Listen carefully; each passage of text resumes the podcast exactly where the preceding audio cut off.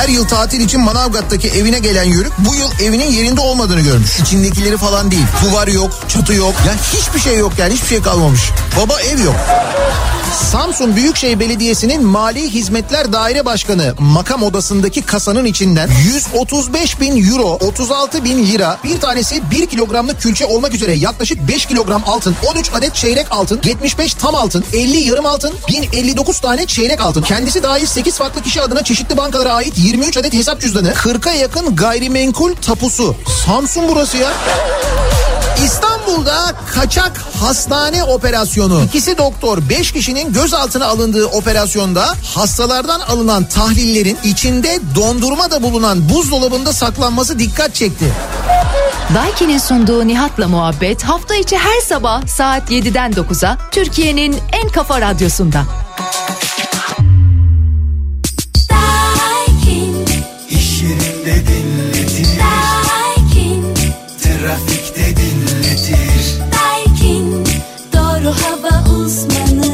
Daiki'nin sunduğu Nihat'la muhabbet başlıyor.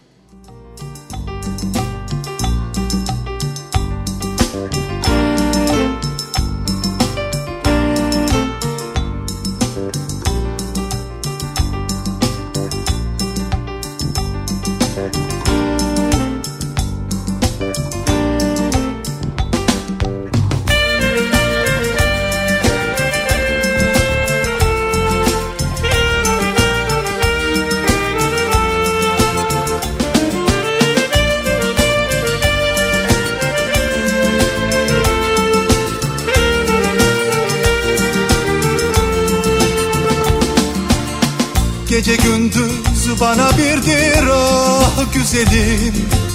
Çünkü gözlerim hep kördür.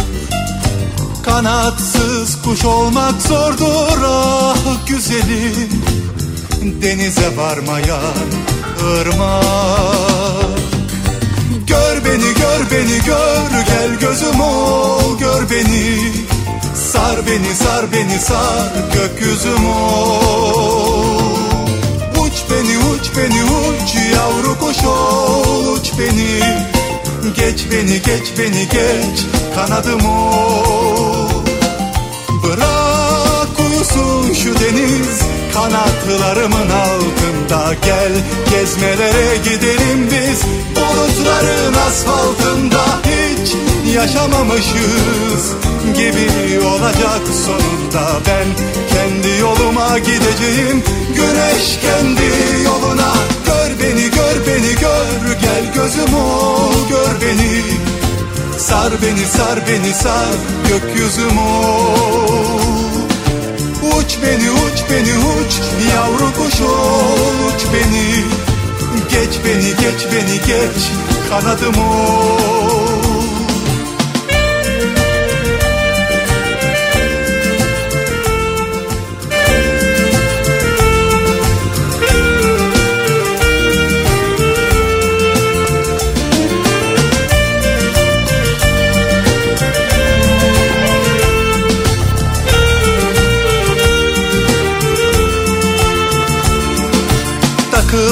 gittim peşinden ah güzelim. Bir gemiydi beni sevdiğim. Yelkeninde bir beyaz gül ah güzelim. Dumanında sevda sözleri. Gör beni gör beni gör gel gözüm ol gör beni. Sar beni sar beni sar gökyüzüm ol Uç beni uç beni uç yavru kuş uç beni. Geç beni geç beni geç kanadım ol Bırak uyusun şu deniz kanatlarımın altında. Gel gezmelere gidelim biz bulutların asfaltında. Hiç yaşamamışız gibi olacak sonunda. Ben kendi yoluma gideceğim güneş kendi yoluna. Gör beni gör beni gör. Gel gözüm ol gör beni. Sar beni sar beni sar. Gökyüzüm ol. Uç beni uç beni uç. Yavru kuş uç beni. Geç beni geç beni geç. Kanadım ol Gör beni gör beni gör. Gel gözüm ol Gör beni sar beni sar beni sar gökyüzüm Uç beni uç beni uç yavru kuş uç beni Geç beni geç beni geç kanadım ol Türkiye'nin en kafa radyosundan, kafa radyodan hepinize günaydın. Yeni günün sabahı günlerden çarşamba tarih 14 Nisan. Güneşli bir İstanbul sabahından sesleniyoruz. Türkiye'nin ve dünyanın dört bir yanına. Hem güneşli bir çarşamba sabahı Nisan'ın neredeyse ortası. Hala hava epey serin. Bir taraftan zaman zaman yağmur da bekliyoruz. Ama yeni bir kavram ve bu yeni kavram etrafındaki kurallar en fazla kafamızı kurcalayan kısmi kapanma diye yeni bir şeyle dün itibariyle tanıştık. Çünkü vaka sayıları neredeyse 60 bini gördü. Sağlık Bakanlığı rakamlarıyla bu arada. Hal böyle olunca bir kapanma olur mu acaba sorusu epeydir gündemdeydi. Dün bunun kısmi kapanma olacağı, Ramazan ortasına kadar böyle devam edeceği, iki hafta boyunca eğer iki hafta içinde vaka sayılarında ciddi bir düşüş olmazsa daha sert kurallar uygulanabileceği, daha büyük bir kapanma olabileceği söylendi. Peki ne oldu kısmi kapanma ile birlikte? Dün İçişleri Bakanlığı genelgesi yayınlandı gece yarısından sonra. Birazdan detayları aktarıp kafalardaki tüm sorulara yanıt vermeye çalışırız. Kime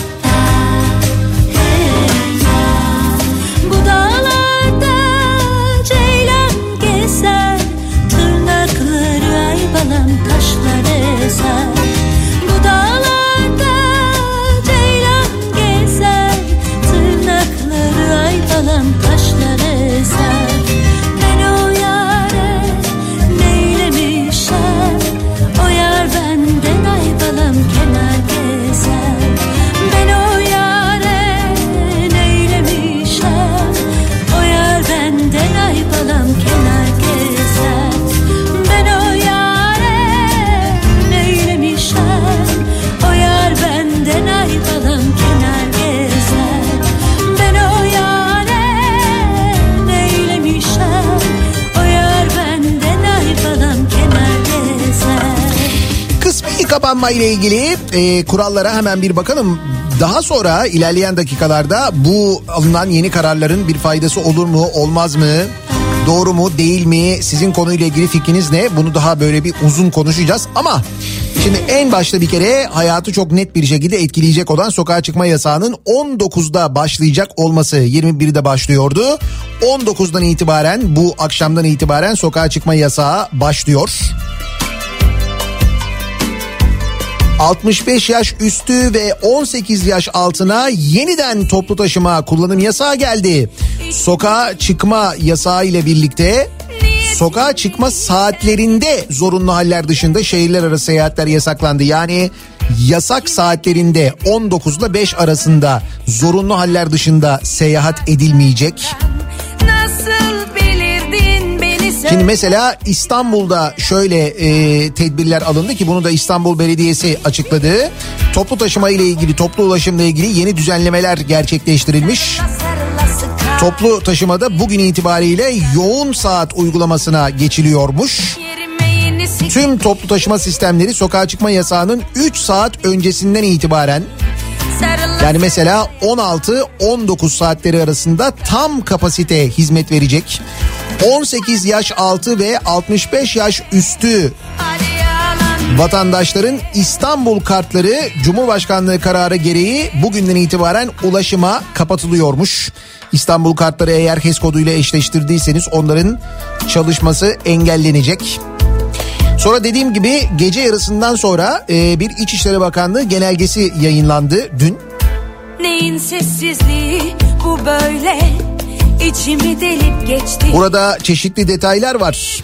Beni terk 16 Mayıs pazar gününe kadar yeme içme yerleri yani restoran, lokanta, kafeterya, pastane, tatlıcı gibi yerler iş yerlerinin iç veya dış alanlarında masada müşteri kabul edemeyecek. ne çıkardın 16 Mayıs'a kadar böyle olacakmış. Bu süre içerisinde yeme içme yerleri hafta içi günlerde 7-19 saatleri arasında gel al ve paket servis saat 19'dan sahur vaktine kadar da sadece paket servis olarak çalışabileceklermiş.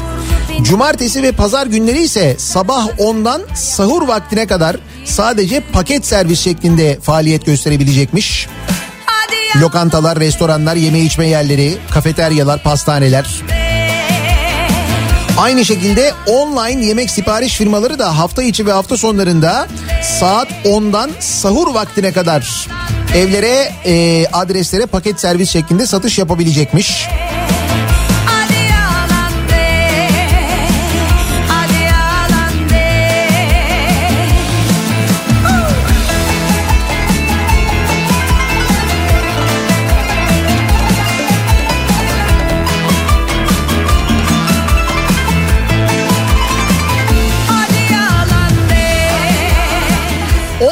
Mayıs 2021 pazartesi gününe kadar.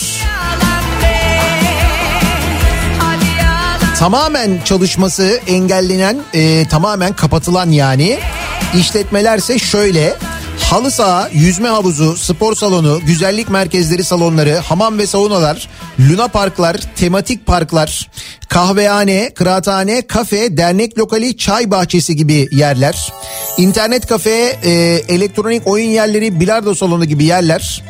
Bunlar tamamen kapanmış vaziyette. E, ilk planlandığında bu e, kapsamda berberler, e, kuaförler de vardı. Fakat e, genelgeden çıkarılmış. Hatta dün akşam biz yayında da söyledik. E, berberlerle ilgili de böyle bir karar gelebilir diye. Fakat sonra dediğim gibi e, çıkartılmış ondan vazgeçilmiş. İşte bayram, bayram tıraşı mevzu özellikle epey bir tartışma konusu olmuş. Dolayısıyla berberler ve kuaförlerle ilgili böyle bir karar yok. Çay ocakları ise masa, sandalye ve taburelerini kaldırmak ve sadece esnafa servisi yapmak kaydıyla faaliyetlerine devam edebilecekmiş. Çay ocakları ile ilgili böyle bir karar alınmış. Düğünler bu arada yine 17 Mayıs'a kadar yapılamayacak ama e, evlendirme işlemleri gerçekleştirilebilecek. Nikah ve nikah merasimi şeklindeki düğünler 17 Mayıs tarihinden itibaren yapılabilecek. Bu süreye kadar herhangi bir şekilde nişan, kına, tören, merasim, düğün yapılmasına müsaade edilmeyecek. Bir de bu e, şehirler arası seyahat meselesi var. Sokağa çıkma kısıtlaması uygulanan süre ve günlerde yani hafta içi ve hafta sonunda akşam 7 ile sabah 5 arasında zorunlu haller dışında toplu ulaşım vasıtaları dışında şehirler arası seyahatlere izin verilmeyecek. Ama diyelim e, uçak biletiniz var, otobüs biletiniz var. Uçağınız saat 8'de mesela akşam ya da 9'da ya da 10'da ya da otobüsünüz bu saatte kalkıyor. Böyle bir seyahatiniz varsa o bileti e, göstererek ya da rezervasyonu göstererek o zaman e, çıkabileceksiniz. Yani 7'den sonra sokağa çıkmak e, ulaşım için eğer toplu bir ulaşım aracıyla uçakla otobüsle trenle falan seyahat edecekseniz o bileti göstererek çıkabileceksiniz. Eğitimle ilgili kararlar var. Uzaktan eğitim de 15 Nisan'dan itibaren başlıyor. Milli Eğitim Bakanlığı da bu konuda bir açıklama yaptı. Yarından itibaren yar seni kara saplı 8 ve 12. sınıflar haricindeki Tüm e, eğitim yeniden uzaktan eğitime geçiyor. İlkokullarda tüm sınıf düzeylerinde tam zamanlı uzaktan eğitime geçiliyor. Ortaokulların tüm sınıf düzeylerinde 8. sınıflar hariç tam zamanlı uzaktan eğitime geçiliyor. Liselerde de yine tüm sınıf düzeylerinde 12. sınıflar hariç tam zamanlı uzaktan eğitime geçiliyor. 8 ve 12. sınıflar yüz yüze eğitime devam edebiliyorlar. Sınav senesinde oldukları için. 8 ve 12. sınıflarla mezunlara yönelik düzenlenen destekleme ve yetiştirme kursları ile takviye kurslarına cumartesi ve pazar günleri de dahil devam edilecek.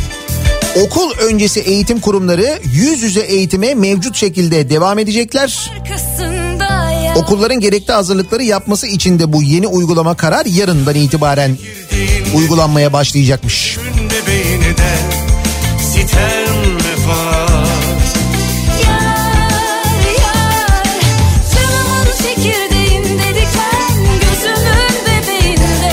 Bilmiyorum yeteri kadar e, açıklayıcı oldu mu?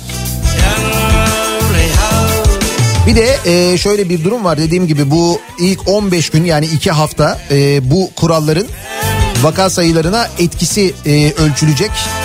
Eğer belirgin bir düşüş sağlanmazsa e, o zaman belki bu kuralların daha da e, genişlemesine daha da sertleşmesine karar verilebilecek deniyor. Belki tam bir kapanma bilemiyorum bir 15 gün daha Ramazan'da. Misali döner başım Sevda değil bu bir kışım Gel gör beni darmadan Tel tel çözülüp kalmışım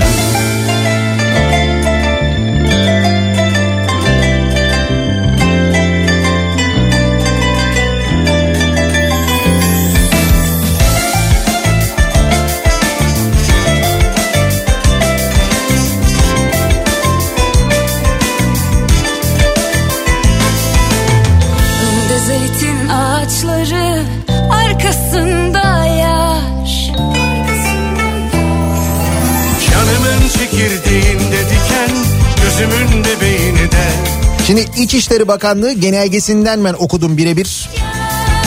Bana başka metinler başka yazılar gönderiyorsunuz öyle değil böyle diye falan ama şehirler arası sokağa çıkma yasağı yasağın başladığı akşam 19'a kadar serbest 19'dan sonra zorunlu hallerde izne bağlı olarak yapılabilecek diyor bir daha söylüyorum.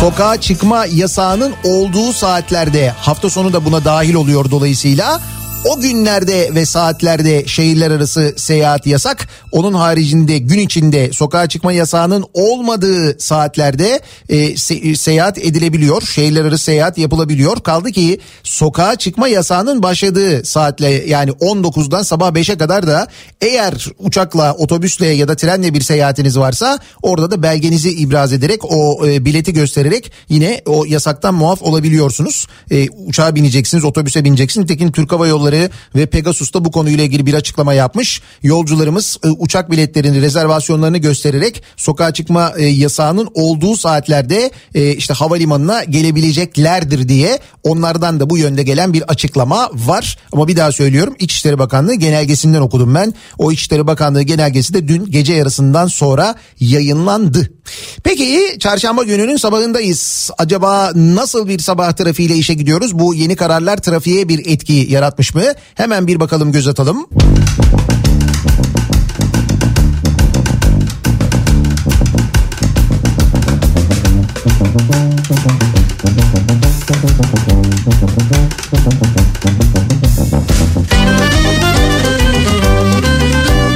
Kafa Radyo'da Türkiye'nin en kafa radyosunda devam ediyor.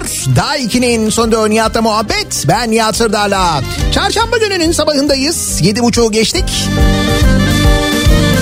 Kısmi kapanmalı günler bugün itibariyle başlıyor. Az önce saydım gece yarısından sonra yayınlanan İçişleri Bakanlığı genelgesiyle detaylar da belli oldu. Kimi kafa karışıklıkları var onlar da tahmin ediyorum giderildi.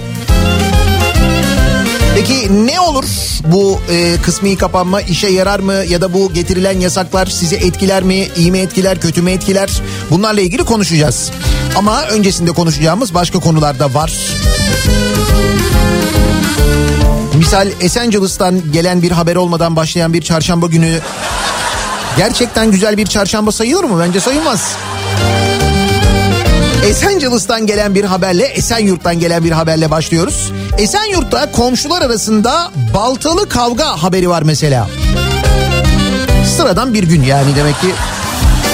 Ha çünkü gelen ben diğer haberleri hatırlıyorum da en son geçen hafta kılıçlı bir kavgadan bahsediyorduk. Hatırlarsanız baya böyle kılıç. Ondan sonra e, otomatik silah böyle baya Kalaşnikov benzeri bir silahla adam böyle elinde geziyordu dolaşıyordu. Sokakta falan görüntüleri vardı yani. İstanbul Esenyurt'ta çocukların top oynama tartışmasına aileler karıştı. Balta ve sopaların kullanıldığı kavgada 5 kişi yaralandı. Sebep çocuklar top oynuyorlar. Bir de görüntüler var ki aman aman bir göreceksin. Çocuklar tabii ortada yok neyse ki. Eskiden biz de top oynardık. Top oynarken bizim de kendi aramızda mesela böyle mahalleler arasında top oynanırdı. Kavga çıkardı bir şey olurdu falan. Böyle aileler dahil olmazdı. Değil baltaydı, kılıçtı bilmem neydi falan öyle şeyler kullanılsın. Kimse karışmazdı ki.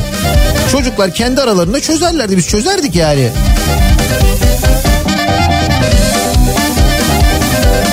Fakat devir çok değişti azizim çok. Taksici turistin çantasındaki 4000 doları el çabukluğuyla çaldı diye bir haber var mesela. Fatih'te taksici ki bu taksici kısmını özellikle söylüyorum çünkü nasıl taksici olduğunu da hakikaten anlamak mümkün değil çünkü adam yakalanmış sonrasında. Aracına binen Çeçen uyruklu kadının 4000 dolarını el çabukluğuyla çaldı. Taksici ve ona yardım eden şüpheli gözaltına alınırken takside yaşanan arbede ile paraların çalındığı anlar kameralara yansıdı. Taksinin içindeki kamerada çekmiş ne olduysa. ES isimli Çeçen uyruklu kadın yanında iki kadınla birlikte Fatih Eminönü otobüs duraklarından Taksim'e gitmek üzere taksiye bindi. ES 30 lira karşılığında Taksim'e gitmek için 30 yaşındaki taksici KP ile anlaştı. KP kadına paraların eski olduğunu öne sürerek başka para vermesini istedi. Bu sırada ES çantasından başka para çıkardı ki bunların hepsi görülüyor. Taksici KP el çabukluğuyla kadının çantasında bulunan 4000 dolar parayı aldı. 4000 doları el çabukluğuyla nasıl alıyor diyorsunuz? Onun da görüntüsü var biliyor musun? Kadın çantayı açıyor. Çantadan başka Türk parası çıkarmaya çalışıyor. Bizimki çünkü bu, bu paralar eski diyor. Yenisini ver diyor. 30 lira veriyor kadın. Hayır diyor bu paralar eski diyor. Kadın çıkartırken o sırada diğer paralar görünüyor. Dolarlar görünüyor. Bizimki onu verme bunu ver şunu dur bir dakika falan derken kadın ne yapıyorsun falan diyor. O arada bu o kadar hızlı bir şekilde o paraları o 4000 doları alıp e, şoför kapısının yanındaki o böyle göze koyuyor ki. Ya hakikaten çok acayip ya. Eli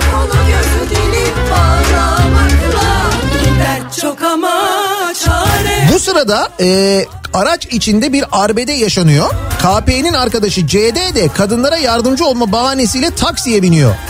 Kadınlar araçtan inerken şüpheliler olay yerinden hızla uzaklaşıyor. Sonra kadın polise şikayetçi oluyor. Ekipler KP ve CD'yi 10 Nisan Cumartesi günü yakalıyorlar. Şüphelilerin emniyetteki sorgulamasında KP'nin yani şoförün 2020 yılında yine dolandırıcılık ve yan kesicilik yaptığını tespit ediyor. Yani böyle bir sabıkası var. Ama taksicilik yapabiliyor işte. Kabahati onda bunda el alemde sandım El çabukluğuyla 4000 dolar nedir ya? O nasıl bir çabukluk yani? Kimi Halbuki çabuk olmadan, hiç böyle panik olmadan, sakin sakin hareket ederek baya baya böyle organize olarak para kazanmanın da yolu var. O nasıl biliyor musunuz? Hatırlıyor musunuz? Ee, Malatya Yeşil Yurt Belediyesi'nin çevreye duyarlı bireyler yetiştirme projesi kapsamında Almanya'ya götürdüğü 45 kişi vardı. Bunlardan sadece ikisi geri dönmüştü. Ben de demiştim ki şaka yapmıştım. Ya, ta- resmen insan kaçakçılığı falan demiştim ya. Gerçekten insan kaçakçılığıymış biliyor musunuz? Yani bunun için organize edilmiş bu iş. Şaka değil ciddi söylüyorum. Baya baya bildiğin insan kaçakçılığıymış organizasyon. Çok acayip ya. Habertürk yazarı Sevilay Yılman bu olayı bayağı bir araştırmış. Epey üstüne düşmüş konunun. Katlanmakla çok ama çarede Yılman yazısında patlaması yeni ama skandal olay aslında 14 ay önce yaşanıyor. Yeşilyurt Belediyesi bütün masrafları Almanya'nın Saksonya eyaleti Hannover şehrinde faaliyet gösteren Mega Kilit şirketi tarafından karşılanacak. Çevreye duyarlı bireyler yetiştirmek adlı proje kapsamında 45 kişinin yurt dışına gönderilmesi için 3-9-2020 meclis oturumunda karar alıyor. Belediye karar alıyor. Geçen sene Eylül, e, Eylül ayında.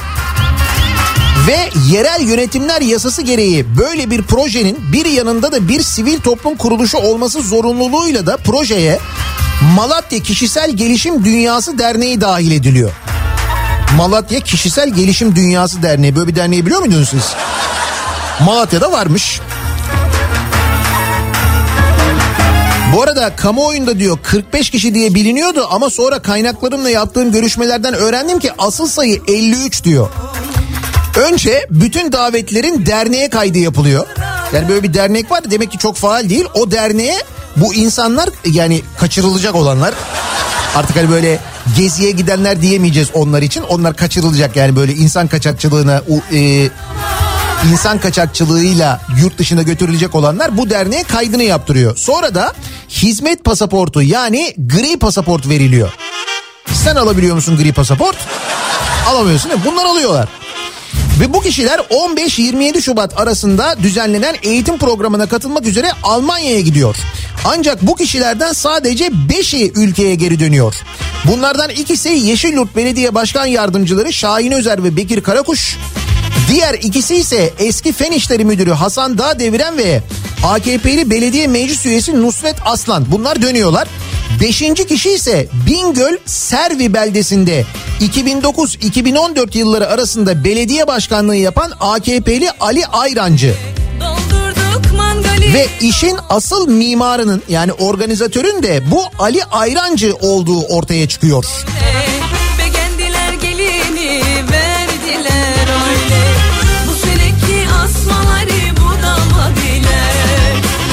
Peki daha güzelini söyleyeyim ben size. Bunu da bulmuş Sevilay Yılman. Meğer bu e, organizasyonu yani belediye, dernek, yurt dışı, çevreye e, faydalı insan yetiştirelim, bir gidelim Almanya'yı görelim falan ama ondan sonra da dönmeyelim projesini meğer sadece Malatya Yeşilyurt Belediyesi yapmamış. İyi mi? Tokat Erbaa, Van Tuşba, Elazığ Arıcak, Elazığ 3 Ocak ve Bursa Yıldırım belediyeleri de aynı yöntemle Almanya'nın değişik şehirlerine vize gerektirmeyen hizmet pasaportu ya da gri pasaportla yüzlerce insanı Avrupa'ya kaçırmışlar. Bravo. Belediyemizden yeni hizmet. Nasıl?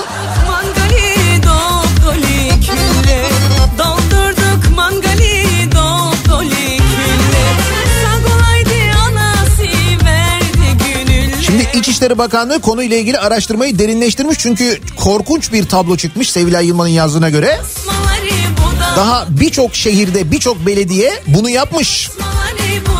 Yurt dışına gezi düzenleniyor. Yurt dışına gidecek olanlara gri pasaport veriliyor. Bu ne demek? Vizeye ihtiyaçları yok. Almanya'ya giderken gri pasaport olunca gidiyorlar ve dönmüyorlar. Peki bu gidenler kimler? Kimler yurt dışına bu yollarla gitmek ihtiyacı hissederler? Bir düşünün. Bir tahmin edin. Bu e, Ali Ayrancı da son genel seçimde Bingöl'den AKP milletvekili aday adayı olmuş bu organizasyonu yapan. Halen de Bingöl Belediyesi'nde imar müdürlüğünde çalışıyormuş. Eski belediye başkanıymış zaten. Yani bu belediye prosedürlerini, işlerini falan da biliyor. Güzel. Nasıl organizasyon? 40 sene düşünsen aklına böyle bir şey yapmak gelir mi Allah aşkına? 40 sene.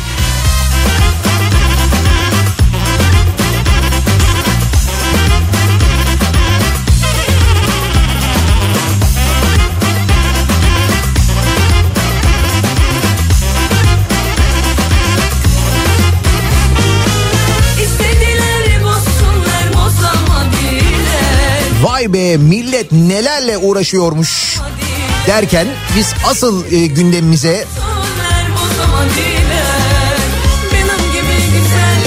korona gündemimize dönelim. Şimdi kısmi kısıtlamalar bu kararlar alınıyor. İşte bu kararlar ne kadar faydalı olur olmaz onu konuşacağız zaten ama bakın o sırada neler oluyor? Ee, AKP'li vekil şimdi hani e, 60 bine ulaşmış vaziyette vakalar ki bu Sağlık Bakanlığı'nın açıkladığı rakam çok yüksek bir rakam gerçekten de ve e, işte ciddi manada ihmaller o gördüğümüz toplantılar e, işte kongreler falan ama hala bakın her gün konuşuyoruz siyasi partilerin düzenlediği yok toplu kahvaltılar e, belediye e, icraat tanıtım toplantıları falan böyle şeyler yapılmaya hala devam ediyor. Kısmi kapanma kararları alınıyor, önlemler alınıyor ama bu önlemler işe yarar mı? AKP Erzincan Milletvekili Süleyman Karaman ki bu Süleyman Karaman eski Devlet Demir Yolları Genel Müdürüydü hatırlayınız. Koronavirüs tedavisi gören Erzincan müftüsünü hastanede tedavi gördüğü sırada ziyaret etmiş değil mi? Ve fotoğraf paylaşmış. Şimdi bu milletvekili. Ve sen eee, bundan sa- salgınla ilgili işte ne bileyim ben önlemler konusunda falan bir şey bekliyorsun. Bir icraat bekliyorsun, bir çalışma bekliyorsun, bir şey bekliyorsun.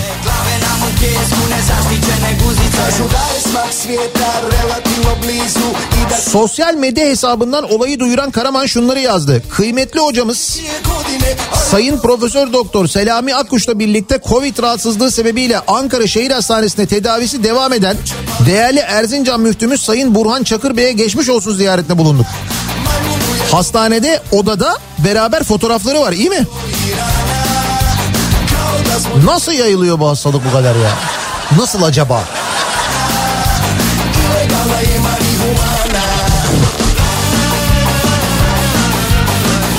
Şimdi vekil böyle yapınca ne oluyor? Altısı pozitif 7 kişilik aile karantinayı ihlal edip cenazeye il dışına gitti. Altısı pozitif 7 kişi. İstanbul'da korona testi pozitif çıkan 6 kişiyle temaslı bir kişi karantina kurallarını ihlal ederek Sinop'a cenazeye gitmiş. Cenaze sonrası İstanbul'a dönen 7 kişi jandarmanın kontrolü sırasında yakalanmış. İstanbul'un Zeytinburnu ilçesinde ikamet eden ve yapılan testleri pozitif çıkması üzerine karantina altına alınan 6'sı pozitif, biri temaslı 7 Covid-19 hastası bir yakınlarının cenazesine katılmak için karantinayı ihlal ederek Sinop'a gitmiş. Sinop'un Gerze ilçesi Kabalar köyündeki cenazeye katılıp tekrar İstanbul'a dönerken Kastamonu Sinop il sınırında yol kontrolünde yakalanmışlar. E ne oldu? Şimdi o Kabalar köyünde cenazeye katılanlar orada gördükleri herkes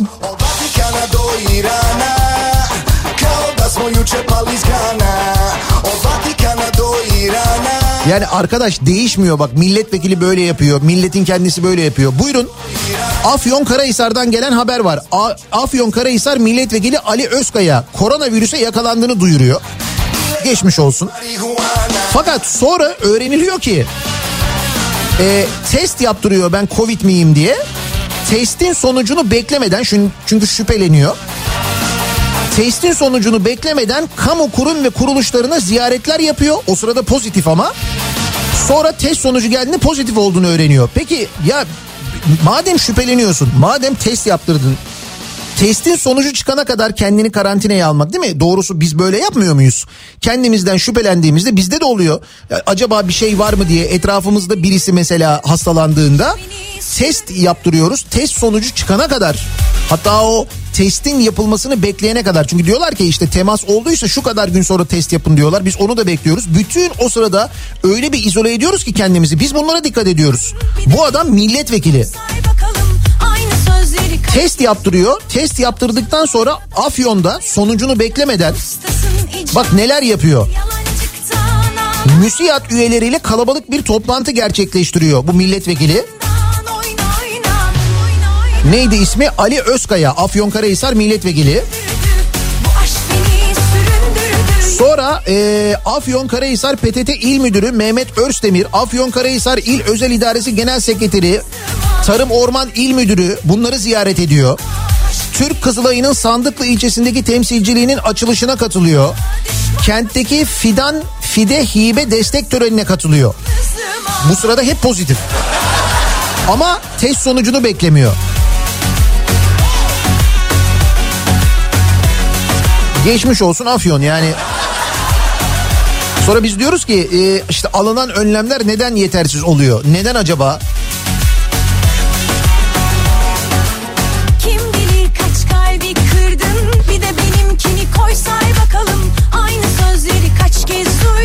Yok canım arkadaş kalmayalım Lafta ustasın icraat sıfır Yalancıktan ağla ağla Kitabına uydur kılıfını Bütün bunlar olurken bunları konuşurken acaba Canikos'unu ihmal ediyor muyuz? Bak zaman zaman aklıma düşüyor. Bir türlü fırsat olmuyor onlarla ilgili konuşmaya, Canikolarla ilgili konuşmaya çünkü ama siz bakmayın onlar ne pandemi dinliyorlar ne başka hiçbir şeyi dinlemiyorlar. Geçmişte de dinlememişler bu arada. Mahkemenin FETÖ'cü dediği şirkete Melih Gökçek yüzde 104 daha pahalıya ihale vermiş. Şimdi o ortaya çıkmış mesela. Bak üzerinden kaç sene geçti hala çıkıyor. Ki daha da çok çıkar yani.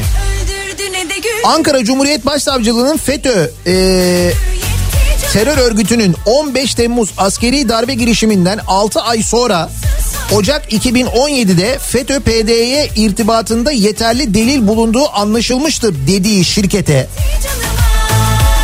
bu karardan 4 ay sonra Melik Gökçek yönetimindeki Ankara Büyükşehir Belediye Başkanlığı Ankara Halk Ekmek personel taşıma işi vermiş. Şartları bir önceki ihale dönemine göre aynı kalan işin belediyeye maliyeti ise yüzde 104 artmış. Böylece iki ihale arasında 1 milyon 481 bin liralık kamu zararı doğmuş. Bak 15 Temmuz'dan sonra oluyor bunlar. Ha diyor ya Melik Gökçek işte onun öncesinde iyi insanlar olarak biliyorduk şöyleydi böyleydi bilmiyorduk falan diye. Sonra mahkeme diyor ki evet diyor bunlar diyor FETÖ bağlantılı diyor. Bu şirket diyor mahkeme kararı var. Kurusun tabii 15 Temmuz'dan sonra ihale veriyor bu arkadaşlara Melik Gökçek. Bir de üstelik e, belediyeyi zarara uğratan daha fazla para ödenen bir ihaleyi veriyor üstelik. Nasıl güzel değil mi? Bu arada bu şirket yani mahkemenin FETÖ ile bağlantısı vardır delil vardır dediği şirket aynı ay kamudan da 11 milyon 290 bin liralık ihale kazanmış ayrıca.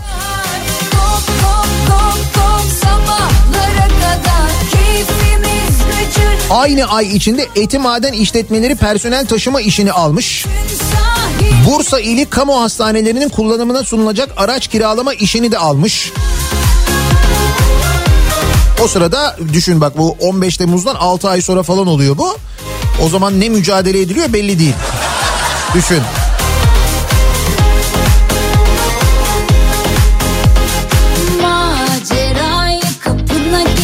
Ama bu rakamlar yeterli değilse bir de bir 128 milyar dolar meselesi var ki dün gece yarısı eş zamanlı operasyonla eş zamanlı operasyonla e, CHP'nin il başkanlıklarına astığı 128 milyar dolar nerede sorusu onun olduğu o sorunun olduğu afişler indirildi sevgili dinleyiciler. Dün gece böyle bir operasyon düzenlendi böyle vinçlerle falan.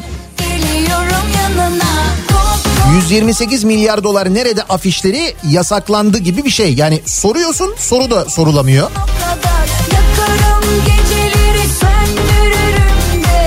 Yanıtlar veriliyor AKP'liler tarafından. Bir tanesi diyor ki ya 128 milyar dolar diyor. Hamza Dağ'ydı galiba bunu söyleyen. Nereye uçar mı bu para diyor. Nerede olacak diyor kasada diyor. Sonra dün bakıyoruz bir başka açıklama var. O açıklamada deniyor ki o şey diyor Türk halkının diyor evinde diyor biz diyor altın ithal ettik. İnsanlar bilezik aldılar altın aldılar diyor. Bak gördün mü yine bize patladı. Neredeymiş 128 milyar dolar? Sizin evdeymiş.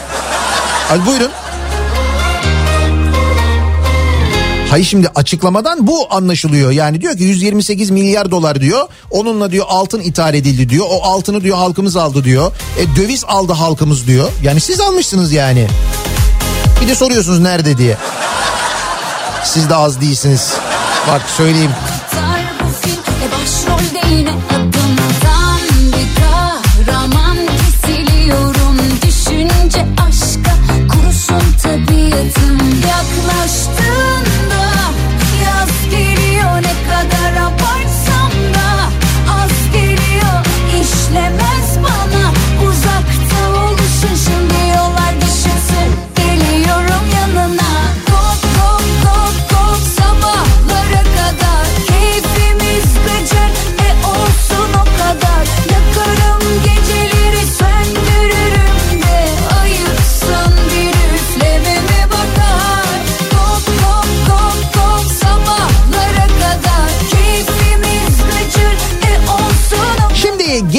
Kısmi kısıtlama meselesine.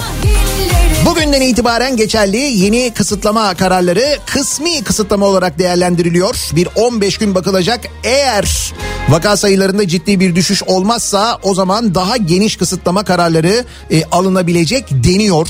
Dün gece yarısından sonra İçişleri Bakanlığı bir genelge yayınladı. Genelgeyle detaylar belli oldu. 3 aşağı 5 yukarı neler olduğunu biliyoruz. Peki bu yeni alınan kısmi kısıtlama kararları ile ilgili siz ne düşünüyorsunuz acaba diye dinleyicilerimize soruyoruz. Yani bir faydası olur mu E, ya da işte e, doğru olmadığını düşündüğünüz bir şey var mı? Faydalı olur dediğiniz bir şey var mı acaba? Bunları soralım dinleyicilerimize. Özellikle çalışanların hayatlarını ya da işte esnafın hayatını da ciddi manada etkileyecek. Birçok grubun hayatını etkileyecek kararlar bunlar. Siz ne düşünüyorsunuz? Kısıtlamayla ilgili fikrim bu sabahın konusunun başlığı. Bakalım dinleyicilerimiz ne düşünüyorlar bu konuyla alakalı. Sosyal medya üzerinden yazıp gönderebilirsiniz mesajlarınızı. Twitter'da böyle bir konu başlığımız, bir tabelamız, bir hashtagimiz an itibariyle mevcut kısıtlama ile ilgili fikrim başlığıyla Twitter üzerinden yazıp gönderebilirsiniz mesajlarınızı. WhatsApp hattımız 0532 172 52 32 0532 172 kafa. Buradan da yazabilirsiniz.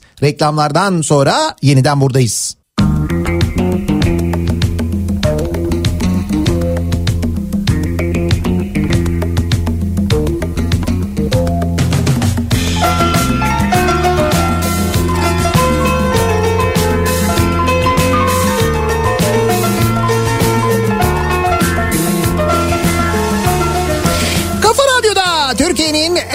kafa radyosunda devam ediyor. Daiki'nin sonunda Nihat'la muhabbet. Ben Nihat Sırdar'la.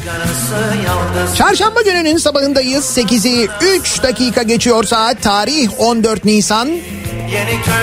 Biz pandemiyle, kısmi kapanmayla, vaka sayılarıyla, ekonomik krizle uğraşırken işine tıkır tıkır devam eden Canikos'unu unutmamak için babası da yesin, yesin anam yesin, Canikosu yesin, anası da yesin, babası da yesin, yesin anam yesin, Canikosu yesin. Tabii canım onlara yapılan ödemelerde en ufak bir aksaklık yok biliyorsunuz. Tam gününde tam zamanında tıkır tıkır. Hiç.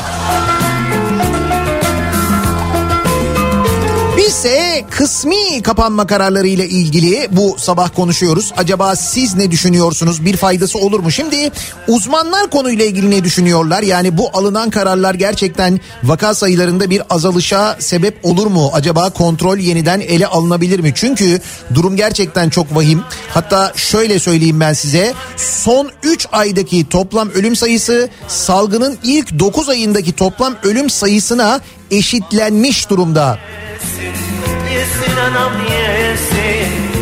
Profesör Doktor Fatih Tank Ankara Üniversitesi'nden bu konuda istatistik çalışmaları yapıyor. Özellikle belediyelerin ölüm kayıtlarıyla e, çalışıyor ki Sağlık Bakanlığı'nın o konuda verdiği verilerin doğru olmadığını baştan beri biliyoruz. Sonrasında ortaya çıktı zaten. İşte oradaki durum gerçekten çok vahim. Uzmanlar ne diyorlar? Uzmanlar da diyorlar ki bu alınan önlemler yetersiz diyorlar. Profesör Doktor Ateş Kara biz salgında hızlı ve etkili bir hamleyi yapmak istiyorsak asıl gereken tam kapanma demiş. Profesör Doktor İsmail Balık geçmişte kısmi kapanmadan yarar görmüştük ama o zaman vakalar bu kadar fazla değildi. Şu anda daha hızlı bulaşan virüsle karşı karşıyayız demiş. Profesör Doktor Bengi Başer AVM ve otellerin açık olmasına tepki göstererek bir bölümü açıp bir bölümü kapatmayı neye göre yapıyoruz diye sormuş. Ki en çok e, gelen sorulardan bir tanesi o. İşte iş yerini kapatması istenen esnaf diyor ki tamam ben kapanıyorum ama mesela AVM'ler o zaman niye açık diye soranlar var.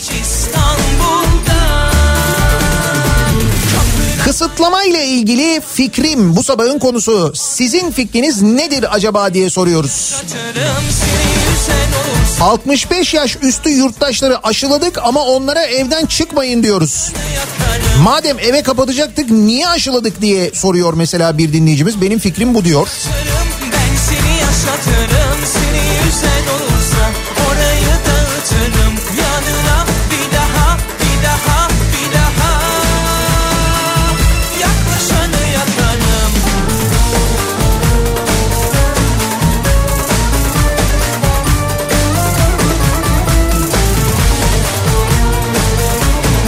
Şu belediyelerin e, derneklerle göz göre göre insan kaçakçılığı yapmasını buna çok takılan dinleyicilerimiz olmuş. Valla ben de şimdi hani birçok belediyenin böyle organizasyonlar yapıp yurt dışına bir sürü insanı götürdüğünü ve o insanların dönmediğini öğreniyoruz. Konuyla ilgili İçişleri Bakanlığı böyle bir derin bir araştırma başlatmış. Sonucu ne olur? Takip edeceğiz. Göreceğiz bakalım ne olacak. Sadece Malatya Yeşilyurt Belediyesi değilmiş yani.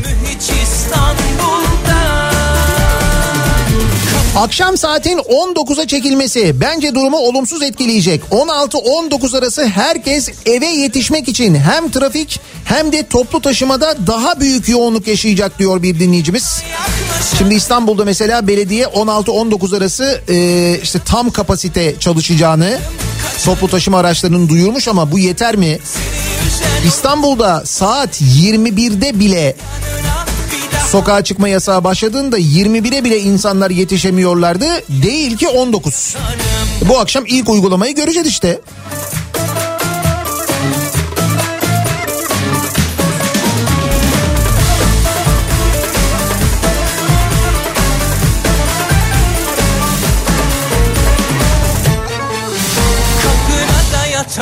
Bu Covid devlet işinde çalışanlara geliyor da özel sektörde çalışanlara gelmiyor mu?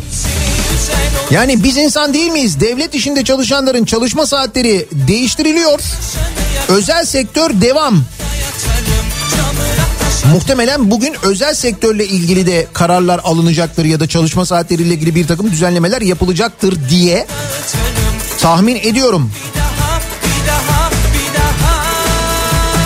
Kısıtlama ile ilgili fikrim şu. AVM'de çalışıyorum. 18'de kapanıyor ve 2 vesayetle 1 saat yol gidiyorum.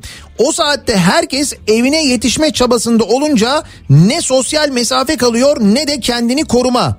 Bir de e, şirket doktoru en çok aileden geçiyor diyor. Ben annemi 9 aydır görmüyorum diyor dinleyicimiz.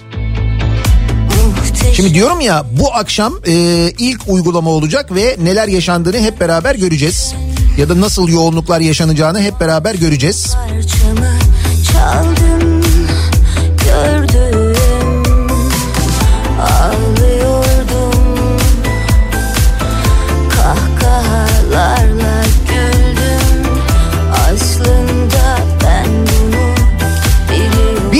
lisede müdür yardımcısıyım. Kapanma kapanma alınması gereken bir karardı fakat neden acaba cuma veya cumartesi günü toplanamıyor bu bakanlar kurulu? Çünkü şimdi deniliyor ki perşembe günü yüz yüze ders olmayacak.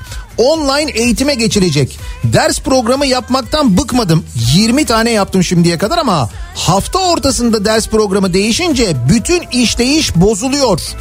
Bu işleyişin bozulduğunu Sayın Cumhurbaşkanımıza anlatan biri mesela Milli Eğitim Bakanı yok mu acaba diye soruyor Deniz. Yani niye biz bakanlar kurulunun toplanacağı günü bekliyoruz bu kararları almak için diye soruyor aslında. Öğretmenimizin sorduğu şey bu. E işte cuma günü e, bilim kurulu toplantısı yapılacaktı. O bile yapılmadı ertelendi biliyorsunuz. Lan madem bu kadar durum acil, madem bu kadar kötüyüz ki kötüyüz gerçekten de neyi bekliyoruz? Yani niye bekleniyor yani? Şimdi beklenip salı günü açıklama yapılınca e, ve eğitimle ilgili böyle kararlar alınınca sadece 8 ve 12. sınıflar ve okul öncesi gidecek. Diğerleri e, uzaktan eğitim yapılacak denilince şimdi bütün program değişti. Milli Eğitim Bakanlığı da dün gece yarısı açıklama yapıyor. Diyor ki e, bugün değil çarşamba değil perşembe günden itibaren dedi. Hadi şimdi bütün program yeniden değişti. Yani neden bu kararlar cumadan alınmıyor gerçekten de insanlar cumartesi pazar ona göre hazırlıklarını yapmıyor. Efendi gibi pazartesiden itibaren başlamıyor. Bence yerinde bir soru. Acı da yok, gözyaşı da Kaybedecek bir şey kalmadıysa Aldanmam, ağlayamam Ayten diyor ki çalışanlar için trafik eziyetinden başka bir şey yok.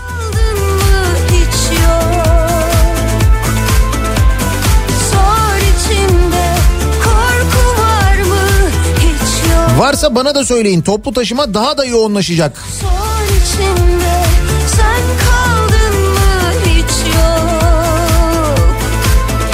Şehirler arası seyahat yasağını anlamadım ben. Kendi arabanla şehirler arası gidersen güvensiz, uçak ya da otobüste gidersen gayet güvenli mi yani? Şimdi bakın bu konuyla ilgili bir kafa karışıklığı var. Çünkü dün yapılan açıklamada kurulan cümle tam böyle anlaşılır bir cümle değildi. Ama gece yarısından sonra İçişleri Bakanlığı'nın yayınladığı genelgede çok net bir şekilde anlaşılıyor. Mevzu şu. Saat 5 ile 19 arasında yani sabah 5 ile akşam 7 arasında seyahat yapılabiliyor. Yani şehirler arası seyahat yapılabiliyor. Kendi aracınızla da yapabiliyorsunuz.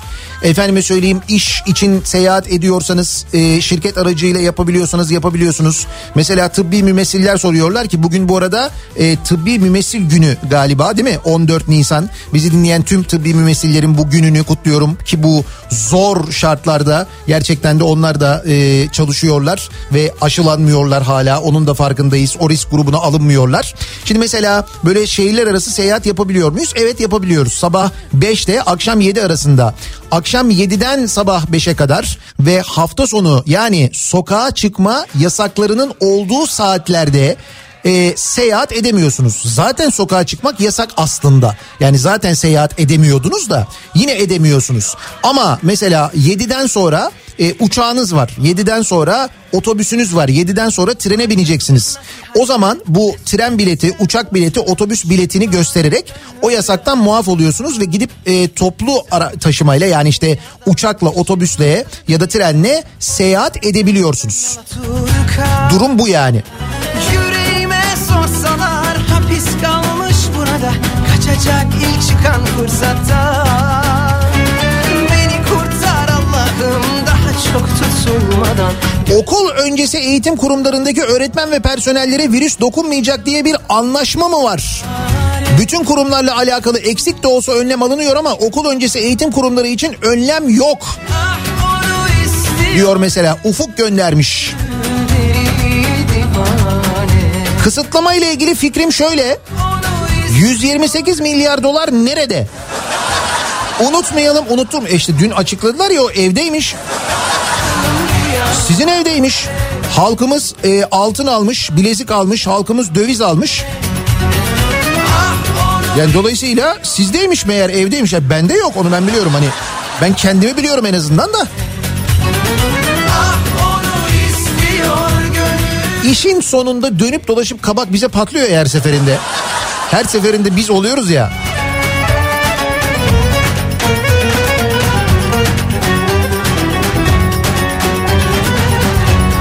Nihat Bey her şey iyi de bu kapanan dükkanların çalışanları evlerine nasıl ekmek götürecek?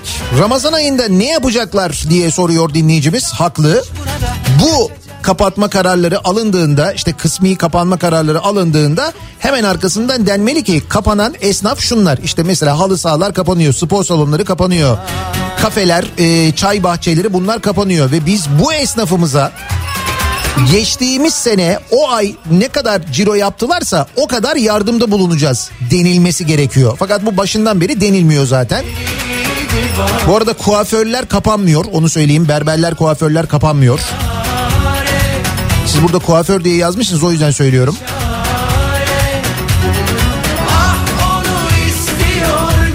Bu arada bu genelgenin içinde kongre yazmıyor evet yani. Yine bir kongreydi mongreydi falan bir şey yapılır mı? Bitti bildiğim kadarıyla onlar ya.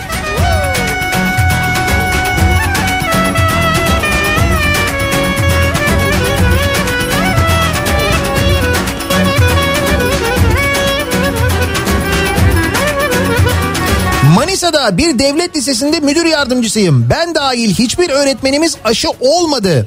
İlkokul öğretmenleri aşılandı ama ilkokullar kapandı. 65 yaş üstü aşılandı, sokağa çıkmaları yasaklandı. Bizim 12. sınıflar okula geliyor ama 18 yaş altının toplu ulaşım kartları bloke edildi. Nasıl olacak? Öyle ya şimdi 12. sınıflar gidebilir deniyor tamam. Fakat 12. sınıfların yani okula gidecek olan son sınıfların ulaşım kartları bloke edildi. Ya toplu ulaşımla çocuklar gidiyorsa nasıl gidecekler?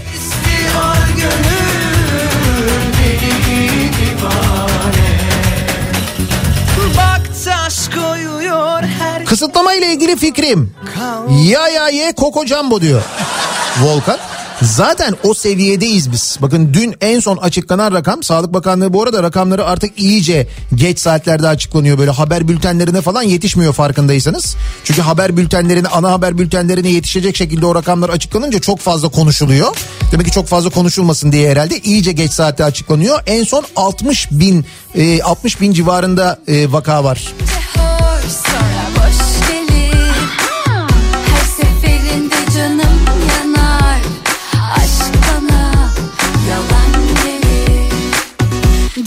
Bence tam kapanma olmalıydı diye ki uzmanlar da benzer şeyler söylüyorlar. Kapanma ile ilgili fikrim benim bu diyor dinleyicimiz.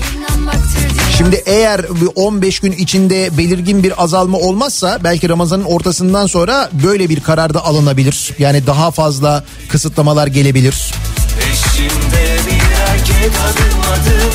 Valla fikirler de kısıtlandırıldığından dolayı ben konuyla ilgili bir şey düşünemiyorum diyor dinleyicimiz. En sağlıklısı.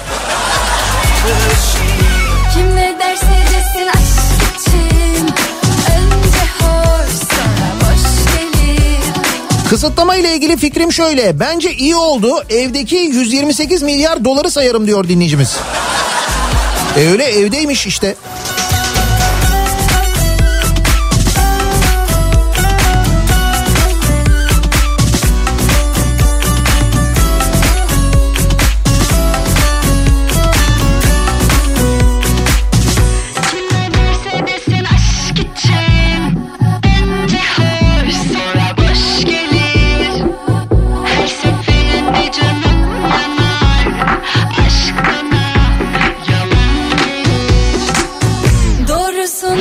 Bu arada herkesten itiraz geliyor. Be- biz almadık, bizde yok. Hani bu 128 milyar dolar evdeymiş, işte halkımız bilezik almış, döviz almış falan deniyor ya. Herkes diyor ki biz almadık, bizde yok, bizim evde yok. Baktık, kontrol ettik, habersiz alan var mı falan, onda da yok. Bir genel kontrol durumu var ve bulunamıyor ama Dünyanın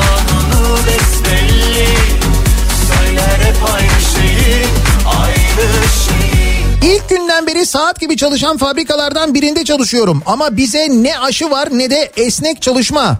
Kısıtlama ile ilgili fikrim biz özel sektör çalışanlarında Covid'e karşı bir zırh var herhalde.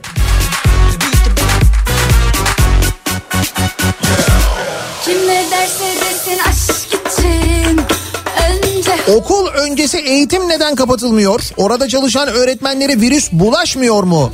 diye soruyor mesela öğretmen bir dinleyicimiz.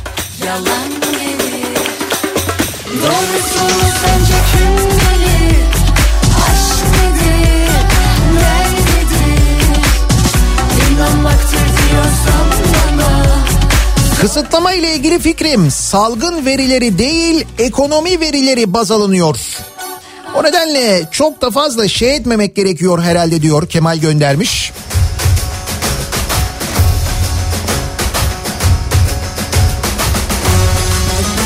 Burası neresi? Beylikdüzü E5 Avcılar yönünde. Yaralanmalı bir trafik kazası olmuş. Ee, olay yerinde itfaiye var, ambulans var. İnşallah kimseye bir şey olmamıştır ama orada yaşanan yoğunluğun sebebi bu e, kaza haberiniz olsun.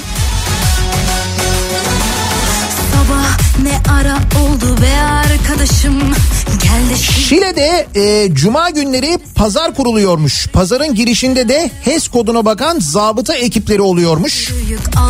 Ancak zabıta ekipleri cuma namazı saatlerinde yerlerinde olmuyorlarmış. Cuma namazı saatinde virüslü insan pazara gitmiyor mu diye soruyor bir dinleyicimiz. Ömrüme şu çektiğime Hesabı kesin kader hadi yüzleşme vur Kısıtlama ile ilgili fikrim şu. 65 yaş üstü koronanın askerleriymiş. Onlar yapıyormuş bu hastalığı. Aşı oldular yine sokağa çıkamıyorlar. Aşı olanları evde kapatıp aşısızları bırakmak da ne bileyim çok mantıklı gelmedi bana diyor Ali. Bu arada e, 65 yaş üstüyle ilgili yine benzer e, saat kısıtlamaları. Yani saat 10 ile 14 arasında sokağa çıkabiliyor 65 yaş üstü. 18 yaş altı da saat 14 ile 18 arasında mıydı? O saatler arasında çıkabiliyor galiba.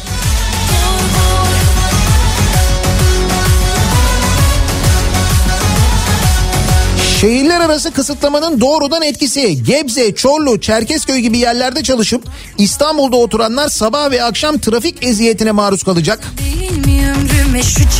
Şimdi herkes bu akşamı merak ediyor. Bakalım nasıl olacak akşam? Değil ama bir daha söylüyorum İstanbul'da 21'deki yasağın başlangıcına bile trafik bitmezken yani 19 çok zor ya. Bir de şimdi iftar telaşı var. Düşsek bile kalkarız eninde sonunda Vur kader bir daha Vur vur vur vur Berberler kapalı, AVM'ler açık. Restoranlar kapalı, AVM'ler açık. Virüs de benim gibi AVM sevmiyor anlaşılan. Bu berberler kapalı kısmı doğru değil yalnız. Yani İçişleri Bakanlığı'nın genelgesinde kuaförler ve berberlerle ilgili bir bilgi yok. Öyle bir yasak kısıtlama yok haberiniz olsun onu söyleyeyim bir daha.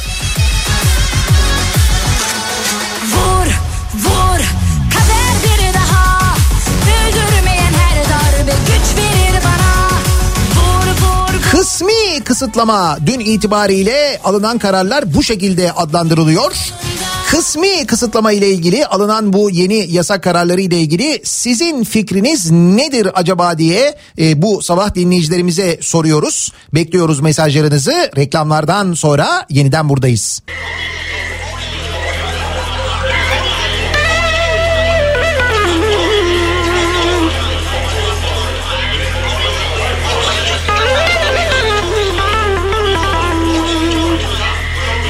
Kafa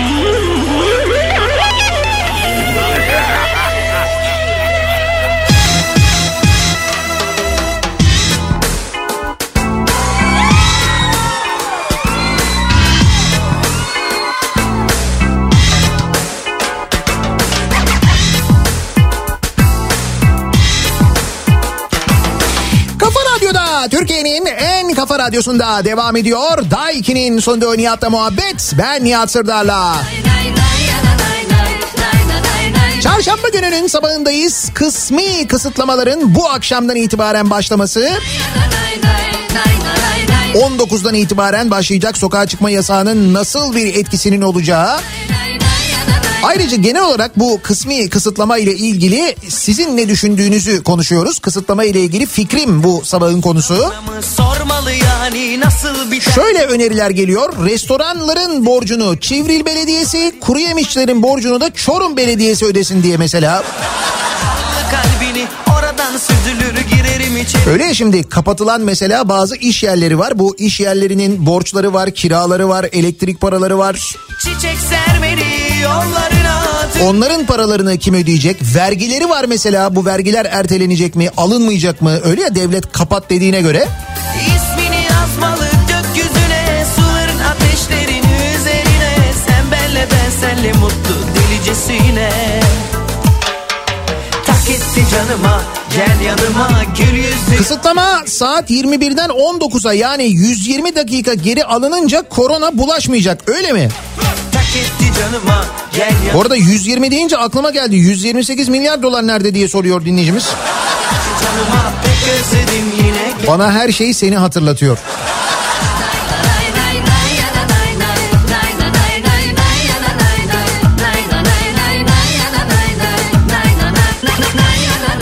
Kısıtlama ile ilgili fikrim bu akşam trafik ve daha birçok şey çok eğlenceli olacak gibi. İftarın yaklaştığı saatler insanlar biraz da gergin oluyor malum. Bence yarın sabah konuşacak çok şeyimiz olacak diyor Yelda. Günler haftalar aylar geçti Haber yok artık dönmez dendi Ümidi kestim boynumu büktüm Günde belki bin kere öldüm Sensizlikten midir bilmem Eline izin kağıdı alan sokakta, turistler sokakta, AVM'ler, alışveriş yerleri full. 7'de eve girerek ve spor salonlarını kapatarak virüsü bitireceğiz ama. Şimdi ben spor salonunda çalışıyorum. Ne yiyecekmişiz bir ay biz? Bundan bahseden yok diyor Esra. Bilmem şimdi böyle kapatın denilen iş yerlerine bir yardımda bulunulacaktır herhalde diye düşünüyorum ben değil mi? Kapatın diyen mutlaka bunu da düşünüyordur yani. Tak etti canıma gel yanıma. Gül yüzü yarim gülsene bana. Tak etti artık tak etti canıma. Çok özledim yine gel. Tak etti canıma e gel yanıma.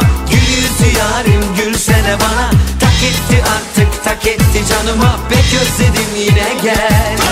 Tak etti canıma e gel yanıma Gül yarim gülsene bana Tak etti 24 Nisan'da SRC sınavım vardı. Şimdi ne olacak acaba? Benim bildiğim kadarıyla sınavlar yapılacak.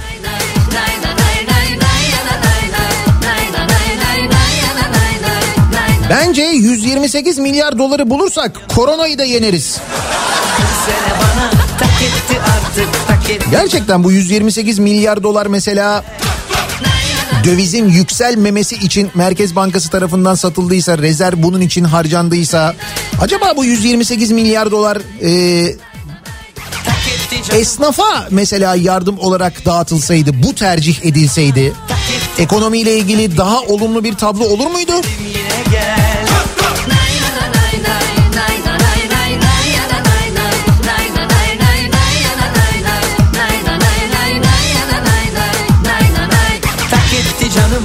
Gel yanıma Gül yarim gülsene bana Şimdi ilkokul öğretmenleri aşılandı ama ilkokullar kapandı. 8 ve 12. sınıf öğretmenleri okulda ama onlara aşı yapılmadı. Bu nasıl bir karar?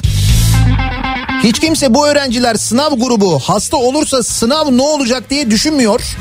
Bir de öğretmen olup çocukları evde olanlar var. Onlar ne yapacaklar? Bütün çalışanlar gibi. Jale soruyor ki çok haklı. benden sana son kalan. Bir küçük resim şimdi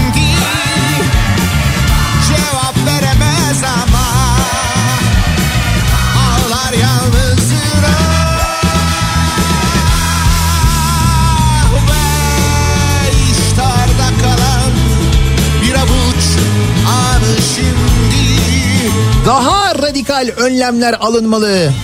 Aksi takdirde başarılı olmak mümkün değil. Zaten deniyor ki işte iki hafta süreyle bu önlemleri deneyeceğiz. Eğer vaka sayılarında ciddi bir düşüş olmazsa ki ben bu önlemlerle olabileceğini düşünmüyorum. Benim fikrim bu da. O zaman daha kesin kararlar alınabilir.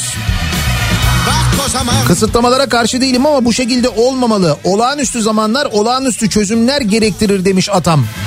Daha radikal önlemler almalıyız. Saçma önlemleri aylara yaymak yerine radikal önlemleri haftalara sıkıştırmalıyız demiş Foça'dan Çağlar.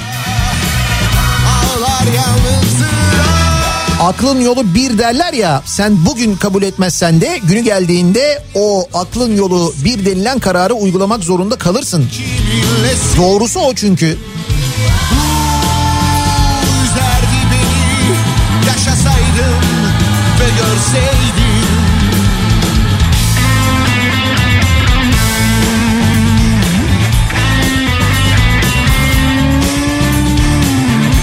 Antalya'da halk otobüsü şoförüyüm. Burada 65 yaş üstü şöyle yapıyor. Kendilerine verilen ücretsiz 65 yaş kartlarını kullanmıyorlar. Normal vatandaşın kullandığı tam kartı basıyorlar ve geçip oturuyorlar. Görünüş itibariyle 70-80 yaşında ama sorduğum zaman yaş kaç deyince ilk önce sana ne diyor sonra da 55 yaşındayım diyor. Buradaki sistem şimdi yolcuyla tartışmak yasak, münakaşa etmek yasak. Yolcu her zaman haklı. Hal böyle olunca elimizden bir şey gelmiyor, denetim yok, kontrol yok. Antalya'da durum böyle diyor. Antalya'dan bir otobüs şoförü dinleyicimiz yazmış. bir gün belki hayattan Geçmişteki günlerden Bir teselli Zaman resmime Gör akan o yaşları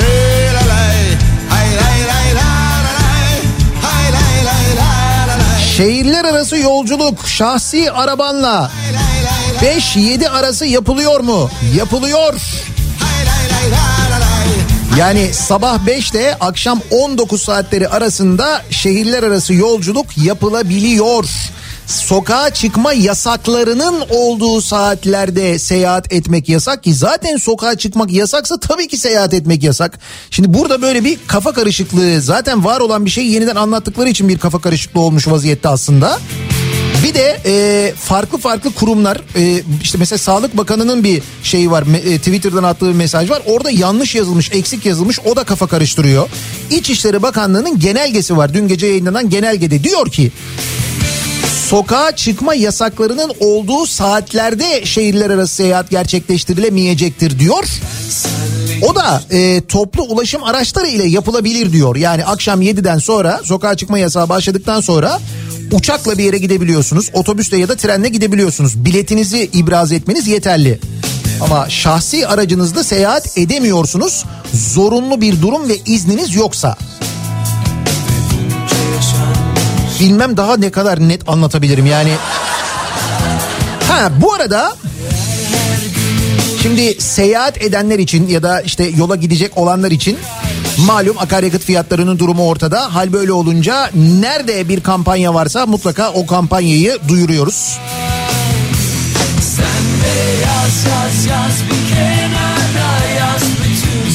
Şimdi araçlar yollara çıktıkça depoları daha da sık dolduruyoruz.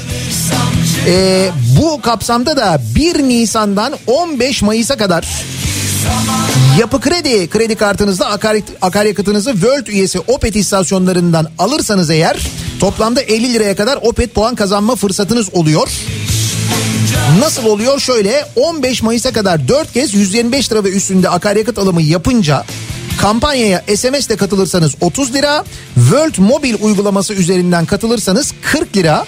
Hatta bu akaryakıt harcamalarından birini aracınızdan hiç inmeden World Pay ile yaparsanız öderseniz ilave 10 lira olmak üzere toplamda 50 liraya kadar Opet puan kazanabiliyorsunuz.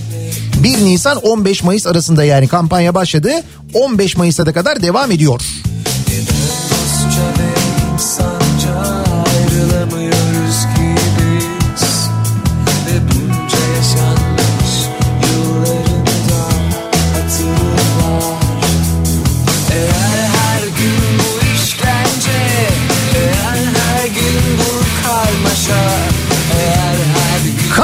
Çalışıyorum. 4 yaşında çocuğum var. Kreşe gidiyor.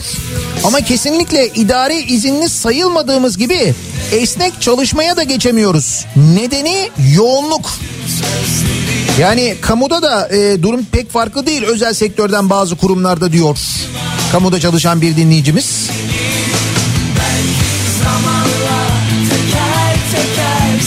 Kamu kurumunda 10 yaş altı çocukları olan kadın çalışanlar izinli sayılıyor. Peki okul öncesi kurumları neden açık o zaman? Biz öğretmenler de kamu çalışanıyız. 10 yaş altı çocuklarımızı evde bırakıp gitmek zorunda kalıyoruz.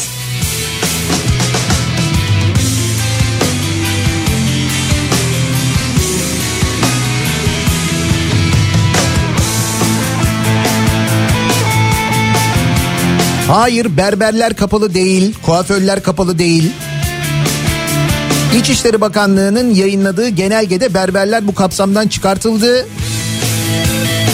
Yalnızca güzellik salonları, sauna, spa merkezleri kapalı. Spor salonları aynı şekilde kapalı. Ve bunlar bayram sonuna kadar bu şekilde kapalı kalacak. Yaz yaz bir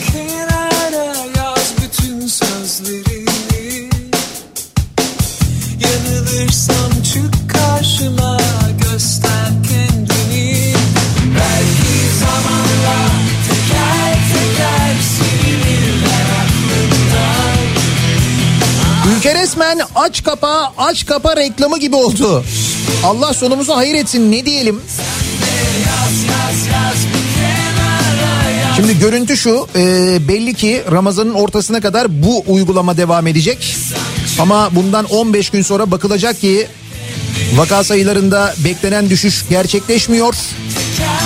Daha büyük bir kısıtlama yapılacak bayram sonuna kadar diye tahmin ediyorum ben ama bakalım neler olacak hep beraber göreceğiz.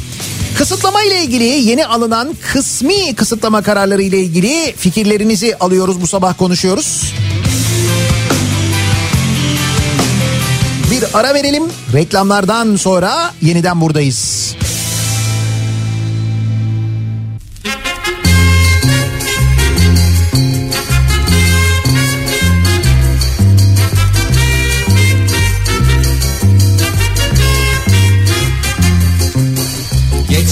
Bıraksın hiç yok zaman.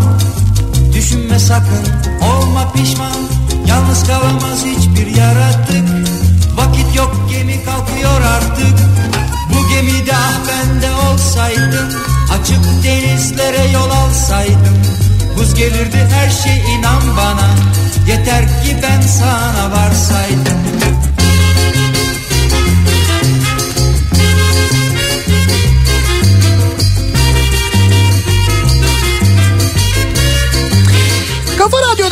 Türkiye'nin en kafa radyosunda devam ediyor. Daiki'nin sonunda Nihat'la muhabbet. Çarşamba gününün sabahındayız. Kısmi kısıtlama kararlarının uygulanmaya başlayacağı gün aynı zamanda bugün bu akşam 19'dan itibaren sokağa çıkma yasağı başlıyor da nasıl olacak diye soruyor dinleyicilerimiz. Yani şimdi diyor servisten 7'de inip 6'da kapanan markete mi yetişmeye çalışacağız biz? Marketlerde 18'de kapanacakmış bu arada. Nasıl? Dur bakalım çok enteresan bir akşam olacak bu akşam. Hep beraber göreceğiz. Birazdan Kripto Odası programı başlayacak. Güçlü Mete Türkiye'nin ve dünyanın gündemini son gelişmeleri aktaracak sizlere. olsaydım Açık denizlere yol alsaydım Bu akşam 18 haberlerinden sonra tam da o sokağa çıkma kısıtlamasının başlamasına bir saat kala tam o curcunanın içinde canlı yayındayız. Sivrisinek'le birlikte eve dönüş yolunda sizlere eşlik etmek üzere tekrar görüşünceye dek sağlıklı bir gün geçirmenizi diliyorum. Hoşçakalın.